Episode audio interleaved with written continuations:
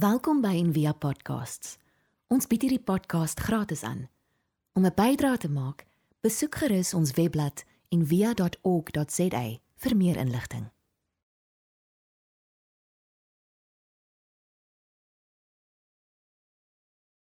Ons is besig op die oomblik met 'n reeks met die naam Geringe Helde. En ons praat oor 'n klomp figure uit die geskiedenis uit wat agter Jesus aangeloop het en wat ons van hulle kan leer en dit is regtig super inspirerend en ek weet nie vir my persoonlik is dit super awesome om daar te praat want ek moet elke keer weer in elke van daai mense se lewens ingrawe en gaan kyk wat het hulle gedoen en wat hulle geglo en hoe hulle geleef het en goed en dit is baie inspirerend. En Dorothy Day uh, wie ons oor vandag praat is eintlik sy's baie ook obviously baie spesiaal sy het in die vorige eeu gelewe so 'n bietjie meer modern as die wat 500 jaar terug geleef het of so so 'n bietjie meer relatable. En ehm um, net so 'n bietjie ek kan net die stories vertel van haar lewe want haar lewe is eintlik so crazy en awesome maar net net om jou storie te hoor is eintlik incredible. So Dorothy Day is in 19 einde van die 1800s 1997 gebore in Brooklyn. En haar hele lewe eintlik as sy ooit in New York was, Lower East Side. So daai deel uh, haar hele lewe eintlik daar spandeer. En sy is gebore in 'n familie wat uh, Episcopalian was, so kind of gereformeerde rig, maar nie regtig kerkgangers nie. Hulle was so kind of gelowig, maar nie regtig nie. So en ek nie nie veel kerk toe gaan nie veel gelowig nie. So net om 'n prentjie te skep, so daar is die op die oomblik is word sy genoem dienaar van God. So die Katolieke Kerk in 2012 het hulle 'n uh, aangevra dat sy moet verklaar word as 'n saint, as 'n heilige. So hulle is besig met daai ondersoek, so dit vat nou obviously jare. So op die oomblik is haar offisiële titel Servant of God of so sy's 'n saint uit Brooklyn wat nogal cool is. Ehm um, so Dorothy Day gebore in hierdie in in New York, die familie en sy ekskuus het 'n uh, 'n uh, journalistiek gaan studeer en toe later weer teruggetrek na New York toe. Nou sy sy's eintlik sy's so lekker want sy's so regte mens hè. En sy het ehm um, toe en al later die nasie geswat het weer teruggetrek in New York toe en sy het 'n bietjie van 'n wille lewe geleef en was betrokke in baie ehm um, linkse of liberale kringe gewees. So en sy was baie mooi ook. So sy het sy het nogal mooi vrou. Sy het baie bekende ehm um, mense geken, so 'n bekende mense uitgehang en so en al haar, haar vriendinne of haar vriende was bekende skrywers en aktiviste en sy was ook bekend daarvoor actually dat sy enigiemand onder die tafel in kon drink. So jy kon nie soos vir haar vat nie. Sy as sy vir jou vat, dan vat sy nie fliek toe nie. So sy het ook gekuier saam met Eugene O'Neill wat 'n bekende playwright was en wat hy 'n Nobelprys vir sy plays gewen en hy, sy was ook sy lover op 'n stadium gewees. So nie uh, jou gemiddelde dogtertjie nie. En sy het ook baie deel deel van deel van protesaksies, daai sy in die middel, deel van protesaksies en so en met die ehm um, met suffrage wat hulle geveg het of geprotesteer het vir vroue om te kan stem. Is sy uh, meer as een keer gearresteer en in die tronk gegooi oor dit sy geprotesteer het. En dit is eintlik deel van haar lewe tot in haar tot in haar ou dag, daar stap sy in 'n kajuel voor en ehm um, praat oor Hiroshima. Nou sy sy het ook in daai tyd ook vir baie radikale eh, koerante geskryf en onderhoude gevoer met revolusieleiers en dit sou gesê dat vriende was links en weet ver links. En sy het ook baie keer dis interessant ook hier dat haar haar pad met geloof het begin vandat sy baie klein was eintlik en sy het in haar tyd in New York het sy baie keer net in die strate gaan ronddwaal en gewandel en so en keer op keer vertel die mense dan vind sy haarself in St Joseph's in 'n Katolieke kerk waar sy gaan sit het en net half die atmosfeer beleef het en so en wat vir haar eintlik altyd beautiful was van hierdie hierdie die Katolieke spiritualiteit is die die sakramentaliteit daarvan. Die die teksture die die die kersse die wierook die die olie, die wyn, die brood, daai amper tactile ding. Toe ons nou net inloop te Frida dat ons die deure oopmaak en slat hierdie kerk reuk jou so. Weet jy, daai dis so baie spesifieke reuk. Net dit ruik soos houtbanke en olie en ou matte en dis daai thing. Dis ek glo dit om so gebou te en ek te kan kerk hou. Dis so lekker want dit het daai ding tot dit. En vir Dorothy Day was dit 'n was deel van die die spiritualiteit, die katolieke spiritualiteit wat haar of aangetrek het aangetrek het tot dit. So verskom my. Haar kleindogter Kate wat 'n boek geskryf het oor haar later, vertel ook hoe eintlik die hele wêreld vir Dorothy Day was vir haar sakramenteel. So 'n sakrament soos ons het in 'n gereformeerde tradisie of so 'n protestantse tradisie, ons het twee sakramente, die doop en die nagmaal. En dit is 'n sakrament is 'n fisiese handeling wat 'n geestelike waarheid verteenwoordig. Reg? So die nagmaal wanneer jy die brood en die wyn gebruik, is 'n fisiese handeling wat 'n geestelike waarheid, die kruisiging, Jesus se sterwe verteenwoordig. So vir vir daai, vir daardie daai was alles sakramenteel. So dis massive eintlik, nê? Nee? Want alles, as jy sê alles is sakramenteel, beteken dit alles wat gebeur of ek nou gaan inkopies doen of ek nou peanut butter op brood smeer, dit is 'n fisiese handeling wat 'n geestelike waarheid verteenwoordig. So dis huge om die lewe te kan beleef as soos as sakramenteel. Nou, ehm, um, oei, so 'n paar net 'n koerant. Dis 'n ou dag en ek hierdie was bietjie later en ek daar dat hy serve 10 days soos hy weer gearresteer is. 'n Paar keer gearresteer.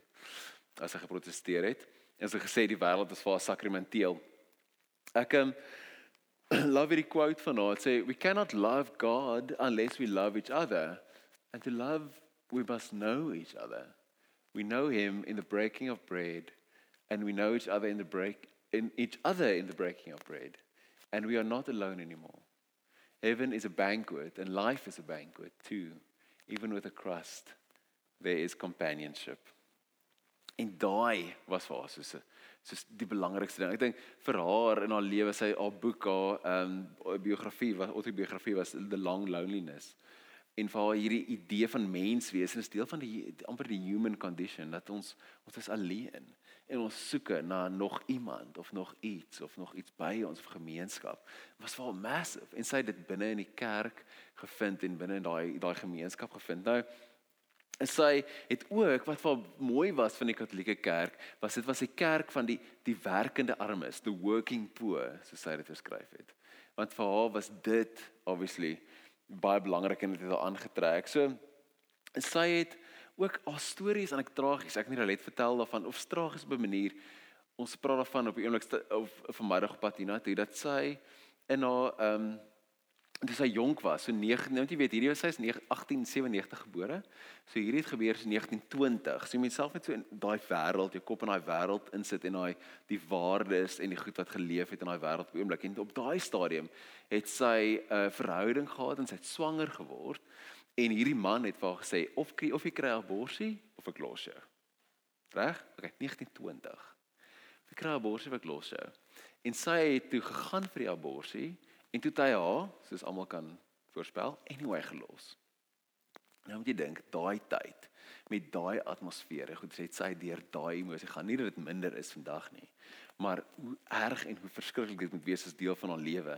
So daar's 'n paar sulke sulke verhoudings in haar lewe en is eintlik haar soeke, ek dink, haar soeke op 'n manier vir vir gemeenskap en vir community en vir belonging om hierdie loneliness in haarself eintlik af op te hou. Haar haar groot liefde was hierdie ou uh hom sê ons Foster, Forster eintlik, Forster. En sy het saam met hom gebly op Staten Island net so buite New York. En hulle het saam 'n kind gehad, maar hulle is nie getroud nie. Sy het sy het hom genoem in haar biografie, sy haar common law husband, hè. Ge, Afrikaans gemeente gemeente regtelike man. Common law husband. Casper de Vries en hy was kom kom. Nee. Nee, hy was hy was 'n hy was 'n anarchis en 'n uh, agnostikus op die beste en het glad nie geglo in enigiets soos kerk of staat of die huwelik of enige tipe instansie nie. So trou en daai goed was net heeltemal van die kaarte af. En toe wat gebeur het is toe word sy swanger met 'n dogtertjie. En haar dogtertjie se naam was Tamar op die einde. En sy het nie gedink sy kan swanger word nie. Sy het gedink na die abortus is sy steriel en sy kan nie meer kinders hê nie. So hierdie oomblik in haar lewe was so 'n key oomblik waar sy eintlik sy beskryf dit ook soos as sy die groot vreugde beleef het en hierdie hierdie seën van God beleef het dat sy weer kon swanger word met hierdie dogtertjie. En op daai punt was sy al ook aangetrokke tot die katolieke spiritualiteit en geloof en sy wil haar dogtertjie laat doop het in die katolieke kerk maar haar man of haar common law man wou niks daarvan weet nie. En dit was soos hierdie heavy tension tussen hulle twee van sy voel aangetrokke tot die kerk en sy wil eintlik trou en haar dogtertjie laat doop en toe het sy haar dogter laat doop in die Katolieke kerk en haarself laat doop ook. En op die ou einde het sy vir Forster gelos. Die van die mense sê hy het haar gelos want sy wil nou kerk gaan. Maar dit is nie eintlik wat gebeur het nie. Haar dogter vertel die storie en sê sy het hom gelos 'n paar keer. Sy het sy het 'n paar keer die verhouding geëindig, nê? Nee? En as jy al ooit, was al ooit in so 'n verhouding wat jy 'n paar keer moes eindig? Nê? Nee? Soos een keer is nie genoeg nie. Ek kan sien almal wat so lag is. So. Nee, of so klein bietjie huil. Dis as jy moet dit 'n paar keer eindig want as jy jouself weer kry dan sê jy weer daar, nê? Nee? om dit weer en weer. En sy was hierdie selfde ding. Dis vir my so great maak van Dorothy Day. Sy's nie soos hierdie saints wat so daar, sy is so real. Dis is hierdie real egte mens. En ehm um, so dit was in hierdie tyd en ek weet al toe haar dogtertjie gebore is, het haar geloof weer begin wakker word het en dat sy met hierdie vreugde kon terugkeer na God toe. Maar sy was eintlik almal probeer soos hulle hierdie ondersoeke instel of sy nou 'n heilige mag wees of nie. Probeer almal heeltyd het die dag en datum vasmaak. So daai dag toe sy in die kerk ingeloop en toe Mariana verskyn en toe sy nou begin met op haar dit, dit is nie so van ja haar storie is so vervleg en is so kompleks en en en beautiful. En ek sê toe sy 9 was sy skryf van haar autobiografie sy 9 was sy sê sy saam met haar ouers gebly in San Francisco net was so die begin van die 1900s begin van die 20ste eeu of skoon maar En um, toe was dit die groot San Francisco aardbewing wat omtrent daai hele stad verwoes het. En sy onthou hoe sy in daai tyd gesien het hoe mense hierdie hierdie tragedie het mense nader aan mekaar te gebring en mense het mekaar begin help en haar het hierdie gemeenskap gevorm. En dit is so 'n tema dwars deur haar lewe en hoe sy God beleef het selfs op 9 jarige ouderdom in hierdie in hierdie community van mense mense wat haar mense wat haar wat mekaar help. En ook daar's 'n ander storie wat ehm um, hierdie een navorser vertel van haar van hoe Forster het toe 'n ander common law vrou gehad, 'n ander verhouding na haar natuurlik. En hierdie vrou het baie siek geword. En hierdie vrou het op 'n stadium vir Dorothy daai gebel en vir haar gesê ek is siek, ek is besig om dood te gaan. Kom help my. En sy het sy het na toe gegaan en haar versorg tot die dag dat sy dood is. So dis hierdie en dis wat so mooi is van haar. Dis hierdie dis hierdie komplekse mens wat gehou het van TV kyk en lief was vir die Here en soos mense gehelp het wat sy eintlik nie veronderstel is om te help nie en nog en nie tyd gehad het vir vir nonsens nie. En enige iemand op tafel kon indruk toe sy klein was. So dit is so of jonk was. So dis so sy is my so beautiful en kompleks en menslik. Nou nadat sy weg is van Forster af, het sy vir 'n paar jaar op haar eie gewoon en probeer of sin maak van haar spiritualiteit en haar en haar liefde vir aktivisme en vir social justice. En ehm um, dit was 1932 was daar 'n hongerstaking wat gereël is in Washington. Nou in hierdie tyd was dit die tyd van die Groot Depressie. So baie mense het baie baie swaar gekry en daar was baie mense wat haweloos was en letterlik honger was. En sy het hierdie is 'n foto eintlik van die van die van daai staking of van daai protes of optog. Ehm um, dis van haar kommunistiese vriende is dit gereël. En haar kommunistiese vriende eintlik so cool. Hulle het al vir gesê sy is veelste gelowig, veel so spiritueel om 'n kommunis te wees. Ons is eintlik 'n goeie kommunis, nê. Behalwe vir die een ding. So ehm um, en sy het nou hierdie gekyk, sy was by hierdie hierdie sy was daar as 'n joernalis en sy het nou gekyk en gesê maar waar is die kerk? Hoekom is die kerk nie hier nie? Spesifiek die Katolieke kerk, maar die kerk oor algemeen, waar is die kerk se stem? binne in hierdie en dit moet nie wees. En dan toe sy teruggekeer het van Washington af, toe toevallig het een van haar vriende vir haar voorgestel aan Pieter Morin wat hierdie ou was. Hy was 'n Franse intellektueel. En hy en sy het saam begin praat oor die sosiale teachings van die Katolieke Kerk, eh, soos die social justice teaching van en dat daar actually was dat daar eintlik sulke teachings was oor wat om te doen met armes en hoe dit moet werk. En hulle het saam 'n koerant begin, The Catholic Worker. Hier is eintlik 'n dis 2017 se uitgawe of dit bestaan nog steeds. So hulle het hierdie koerant begin wat begin praat het oor hierdie goeders. Want dis dis wat hulle gehoor het. So hy het gesê hy dink ons moet hieroor skryf en sy het gesê sy het gehoor ons moet 'n koerant begin en hy het eintlik bedoel ons moet my goeders publish en toe begin sy 'n koerant. En soos dit mag gebeur, is wanneer jy begin praat oor sulke goeters, dan begin mense by jou deur aanklop en sê hoor jy maar help ons. Julle praat oor hierdie staf. Ons is in die nood, help ons. En ehm um, vir haar het dit gegaan oor waar was sy het 'n groot probleem daarmee gehad dat die die die armes se se lot al uitgesos word aan die staat, aan hierdie hierdie onpersoonlike proses of bureaukrasie. En sy het gesê maar dis nie dit gaan nie daaroor nie. Jy kan nie hierdie on dit gaan hierdie is mense. Een van haar quotes was ehm um, well, hier is aan een. We've all known the long loneliness and we have learned that only solution is love and that love comes from community. Well, vir haar die grootste ding was dat it's the people who are important and not the masses. Was een van haar quotes. Sê dit gaan oor die mense. Dit is nie hierdie ongekende massa nie en om in gemeenskap te kan leef saam met hierdie mense is super belangrik. En soos ek gesê het, soos dit gebeur as jy oor as jy oor iets begin praat, begin mense by jou deur aanklop. En toe begin sy en Pieter Moore, sy was die aktivis, die doener en hy was die idees, die filosoof, die intellektueel en hy het al hierdie visies, visions goed gehad. Sy was die een wat alles geïmplementeer het en al die werk gedoen het. En toe begin hulle Hulle noem dit houses of hospitality en sopkombuise binne New York en daar was letterlik amper miljoene mense wat nie kos gehad het om te eet nie in die depressie. En hulle het vir almal begin sorg, een vir een en gemeenskap gebou. En vir haar is dit om armes te help is een ding, maar om saam met hulle te wees is heeltemal iets anders en dis wat nodig is. So 'n vriend van my, uh, Tom, hy is baie baie baie erg oor social justice en om saam met arme mense te wees en te help en so en eendag toe ek en hy spot altyd so en ek sê vir hom ek sê vir hom ag Tom die armes sal altyd by ons wees nê? Nie daai hier wat Jesus gesê het hy sê ja Peer maar as jy altyd saam met die armes. Sê oh, tu ehm en sy en dis wat sy almal mee uitdaag sy sê om saam met hulle te wees is 'n essensiële deel van Christen wees sy daag almal uit nog vandag nog en daar's daar's 'n beautiful beautiful story eintlik van Robert Coles. Uh, dis 'n sielkundige by Harvard wat vertel hy het haar gaan ontmoet en hy vertel altyd daaroor die nederigheid en haar vermoë om so te identifiseer met die armes en saam met hulle te leef eerder as net hierdie handouts te gee. En ehm um, ek sal nou die storie vertel, maar voor ons op uitkom is die ehm um, N.T. Wright skryf oor, want ek baie mense skryf oor die onsse Vader, hè?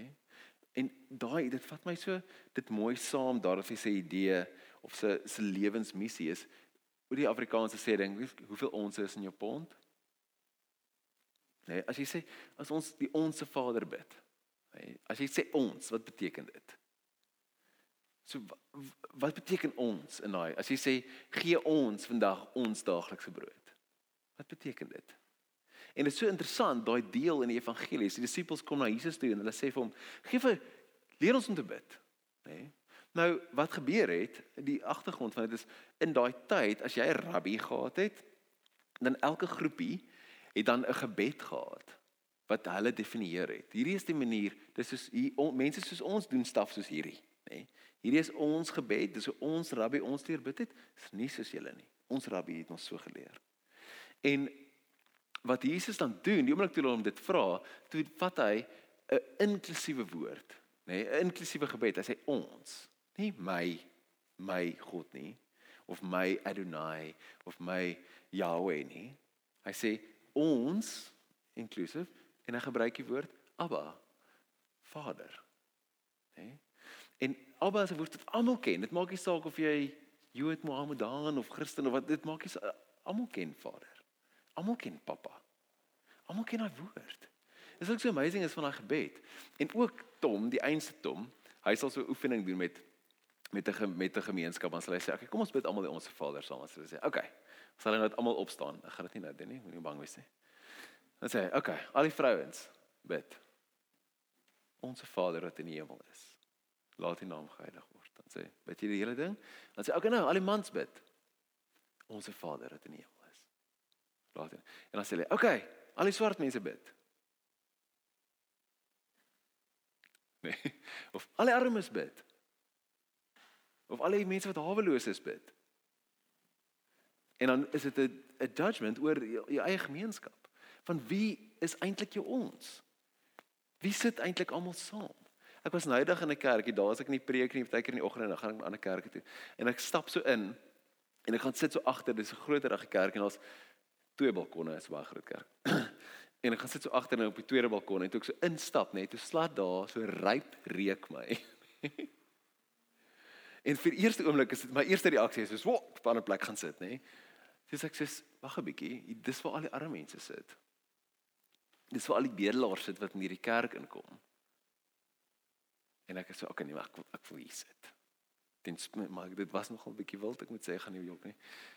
En terwyl ek al sit, dink ek, dit is so judgment teenoor my en die gemeenskap wat ek van deel is en so en hoekom kan dit nie meer so wees nie? Hoekom kan dit nie hoeveel ons is in ons pond eintlik?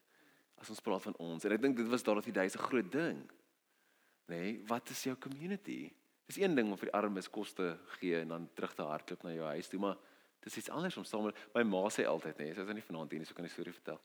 My ma sê altyd en sy baie baie saam met arme mense en social justice werk doen haar hele lewe lank. En sy sê altyd, hoorie, dis een ding om vir die armes lief te wees, dis 'n ander ding om hulle toilette te gebruik.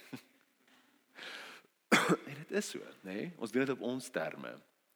So daar's 'n groot en dis wat ons leer van daar af hierdie is hierdie ding hoeveel ons is in pond hoe is jy deel van daai gemeenskap? Nou hierdie storie van van Robert Coles, die Harvard-sielkundige, is hy het eendag gekom na Dorothy Day om 'n onderhoud met haar te voer en sy was sien die tyd al baie bekend. En hy kom aan by die Catholic Worker wat 'n huis was vir arme mense waar hulle kon eet en bly en skoon raak en so en en hy kom aan en hy stap in en sy sit saam met 'n klomp mense om 'n tafel. En hy stap na toe en sy sien hom En in plaas daarvan, hy vertel die storie. Hy sê in plaas daarvan dat sy opstaan en vir ons af verskoon en sê hoor ek moet nou met die professor so en so gaan praat of ek moet nou saam met hierdie ou gaan praat of so. Toe kyk sy na hom, sy staan nie op nie. Sy kyk na hom, sy sê vir hom, vir, vir wie van ons steek kom kuier? Sy en Ali, homeless mense wat aan die tafel sit. En dis wie sy was. Dis hoe sy geleef het. En ek glo daai storie, dis my so beautiful. Nou, ehm um, wat my so great was van haar is ehm um, sy het nooit gehou daarvan dat dat mense vir haar sien as hierdie groot Day nie, hierdie redder van die wêreld nie, hierdie heilige nie. En uh, daar's 'n bekende storie waar iemand opgedaag het by die Catholic worker en gesê het baie dramaties vertel het. Sy vertel ook hier iemand het baie dramaties gesê het oor die ehm um, ek is hier om te help, om te dien. En uh, sy sê o, dis great, my dogtertjie se doek is vuil, ek kan maar doek gaan ruil so baie vinnig mense af aarde toe gebring. So sy haar bekendste een van haar bekendste sê dinge is don't call me a saint, I don't want to be dismissed that easily. Dis maklik om iemand heilig te noem, maar dit beteken dat ek en jy hoef dit te doen nie. Okay. Want hulle is spesiaal. Hulle kon dit doen omdat hulle heilig is. Ons hoef dit nie te doen nie. En sy het net gesê dis absolute nonsens. So die vraag is op die einde, nê, wat wat wat leer ons van Dorothy Day? Wat leer ons van haar van haar lewe en hoe sy geleef het? En vir haar 'n gemeenskap is is alles. Community is alles. Mekaar is alles. En um om nie net om nie bang te wees vir armes nie, want mense is nogal. Ek weet ons almal wat hier binne sit is ryk mense, nê? Nee, sê dit net maar vir mekaar. Nee, jy het 'n kar en 'n laptop, jy's fine nê, nee, ryk mense, top 5% van die wêreld se rykste mense baie gelukkig het gemaak, nê. Nee. En hoe lyk die res van ons lewe? En my lewe, ek vra ek vra myself ook, so om nie bang te wees vir arme mense en nog iets vir hulle deur die draad te gee nie. So wat is daai uitnodiging dan vir ons as 'n community? Hoe lyk dit om te leef in 'n ons ry vanoggend by Kalicha wat groter is as die hele Kaapstad en dan dink ons hoe disconnected leef ons nie. So dis 'n massiewe uitdaging en 'n 'n moeilike vraag om te vra, maar hoe leef ons dan? En vir haar, sy het sy sê ook liefde is die laaste woord. Om in liefde te leef met mekaar en mense te herken. En um, vir my is dit ook in in ons gemeenskap hierso, wat droom ons van ons community? En vir my is dit altyd soos 'n community van practice, 'n gesonde community van practice. So dis hoekom ek het op 6 daarmee om saam met mense te eet. Ek meen ek dink amper almal van julle het al by ons geëet, hè. En lang tafels gehad en wyn gedrink en curries geëet en gebraai en want dit is belangrik. Dis die, ek dink dis die mees geestelike ding wat jy kan doen, selfs as breek jy net 'n stukkie brood. Dan deel jy net met mekaar jou lewe.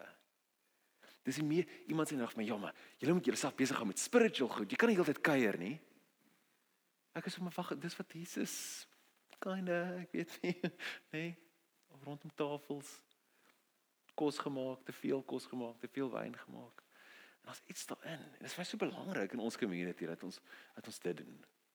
Dink julle nie? En om saam te oefen, te practice. Te oefen hoe om lief te hê. Te oefen hoe om armes lief te hê. Te oefen hoe om te bid. En selfs van kry dit verkeerd en ons speel krom en skeef note en ons oefen saam. Ek wil deel wees van so ek wil deel wees van so iets ek meen dis hoekom ons hierdie doen. Is dan sê maar hoe kan en dis iets wat ek dink as Dorothy Day ek hoop as sy deel is dan sal sy sê hoor dis cool. Ek wil ook deel wees van so iets. En ek dink die uitdaging vir ons almal is dan daai maar hoe lyk hoe lyk ons week? As ons nou as jy hierdie week iets moet doen, nê? Nee? 'n training naked exercise. So in in ehm um, in Timoteus dan sê Paulus vir vir Timoteus dan sê hy vir hom om geestelik te oefen, om fisies te oefen is goed, maar om geestelik te oefen is beter. Dit's beter vir jou. Nou en hy's reg want as jy mense sê as jy as jy gym dan dan jou lewe 10 jaar langer, hè, nee? maar jy spandeer daai 10 jaar in gym. So Virgin Active jy vir 10 jaar. So jy kan ek wen en ek net sê so maar om geestelik te oefen is beter en hy gebruik die woord gymnasto, gymnasto wat beteken to, om kaal te oefen want die die Grieke het kaal geoefen in die gym en hulle het kaal geoefen en dis waar die woord gimnasium vandaan kom, beteken oefen kaal. So volgende keer as jy Virgin Active toe gaan, dan weet jy jy moet eintlik nê nee, nee want jy ek spoel ek vir altyd hierdie sê dan sê dit imagine gym is awkward genoeg, nê? Nee? Dis of nie awkward. Nee, imagine dit kaal. Nê, nee, spinning class. So maar anyway, wou die ek het 'n punt. Die punt is om kaal te oefen, gimnastiek beteken om te op te daag soos jy is. Nee, geen pretense, geen BS, geen net soos jy is. Jy try dit net. En as jy faal, dan faal jy en dit's fine. So 'n training naked exercise vir hierdie week. Soos 'n instruk, so as jy nou weer en jy gaan hierdie week met arme mense doen kry, nê? Nee? Is sit so klein bietjie ekstra effort in nê? Nee, vra nie jou om hulle in jou huis in te nooi en dat hulle op die bank slaap en eh, net soos vra dalk 'n ekstra vraag. Wat is jou naam? Waar is jy vandaan? Nê? Nee, en ek weet en ek weet hulle mense jok en hulle het 'n storieetjie op storieetjie en ons almal weet dit. Ons selfs as net kyk iemand in die oë terwyl jy vir hulle die coin gee of terwyl jy vir hulle sê nee. Nê? Nee? Dis daai is ook al 'n level. So ek wil hê regtig, dit ons regtig almal. Ons dit onthou en dan dis hierdie week se so training naked oefening. Dit is doen bietjie ekstra. Miskien is dit baie ekstra. Ek weet nie. Miskien sit net 'n bietjie. Miskien sit net in die oë kyk of knik. Dalk meer. En dit ook dit kan amazing wees. Dalk word dit iets amazing. So en ek dink dis wat ons van daar af uit kan neem. En haar laaste ding, weet sy sê, we've all known the long loneliness and we found that answer in community. Community is alles. Dis dis alles. Ek kan nie vir julle sê hoeveel keer ek sit in die week saam met mense in die in die stad en huil hulle oor hoe alleen hulle is. En ek hier in hierdie vol stad met Facebook en Instagram en alles wat ons het, is ons alleen. En dit is so belangrik ons gaan gemeenskap skep en saam eet en kuier en lag en ek sê nou op ons ons raadsvergadering is genotuleer ek sê vir julle wys nê. Ek sê ek sê ek is so kwaad ek sê ek skatvol vir al die single mense in ons kerk almal moet trou ek sê mense kan nie so alleen wees nie. Dit is verskriklik ek ek hou nie daarvan nie. Ek hou nie daarvan dat mense alleen is nie. So dis ons moet ons moet ons moet. So ek wil net los met dit. Ietsie van daai Kom ons bid saam julle. Dankie Here Jesus dat dat U vir ons goed is en dat U vir ons kerk gegee het. Ekklesia. 'n Samekoms. Ons mekaar kan leer ken en kan ontdek. Here help ons dat ons ons groter word as wat ons ooit gedink het. Maak hierdie plek vol dat niemand alleen hoef te wees nie. Dankie dat U by ons is. Ons loof U naam. Amen. Ons hoop van harte jy het hierdie podcast geniet of raadsaam gevind. Besoek gerus en via.ok.za vir meer inligting.